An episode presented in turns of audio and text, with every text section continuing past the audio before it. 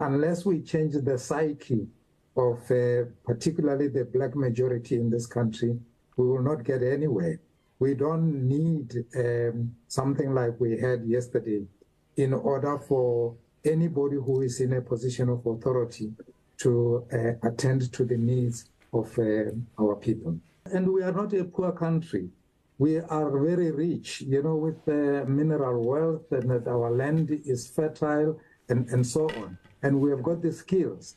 And what is missing is consciousness, is love for ourselves and our people, respect for ourselves. And just this month, I mean, it is, it sounds very hollow for us to today to go out and go and uh, celebrate Human Rights Day as, as it is called. Uh, and I, I, prefer to call it Sharpeville Day, which is another discussion.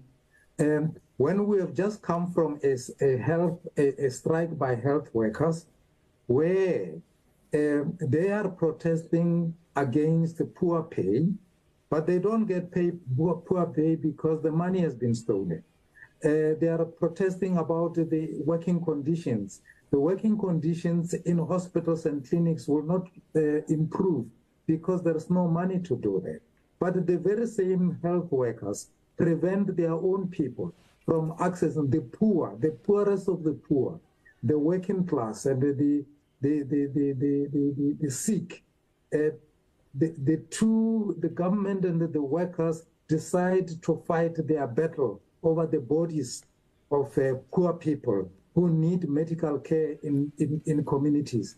How do you match the two? How do you talk about human rights when in fact you deny human rights to, to, to the most vulnerable people who are sick and you prevent doctors from attending to them, um, uh, uh, ambulances from bringing the sick into, into hospitals.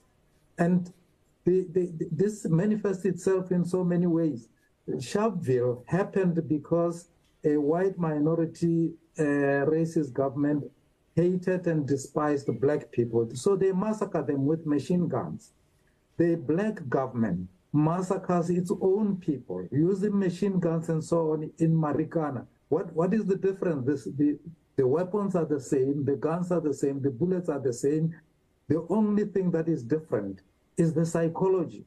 So you won't have this happening anywhere except in South Africa, where black people will massacre one another with uh, machine guns simply because they are who they are. And I can assure you that if those people who were in Marikana were not black people, that would not have happened. So we need to attend to our psychological woundedness uh, for us to be able to do the mm-hmm. kinds of things. Otherwise, we're just having words, we're just going through the motions. So let's break down what you mean uh, by attending to our psychological woundedness. Because, for example, you just spoke about the uh, health workers' strike, where in terms of human rights, they have a right to fight for their labor rights.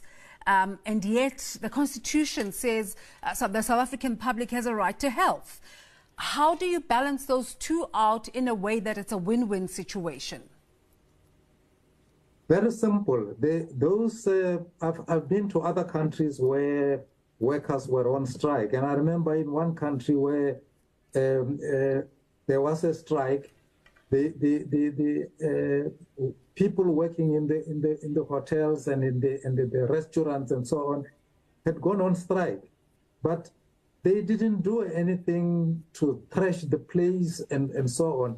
The workers stood outside orderly and every and we had to feed ourselves in that hotel and uh, and make our own beds and and so on.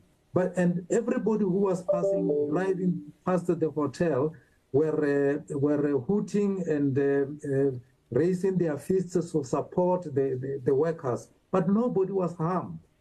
And and this was just bedding and and food in a hotel or cleaning the hotel and so on.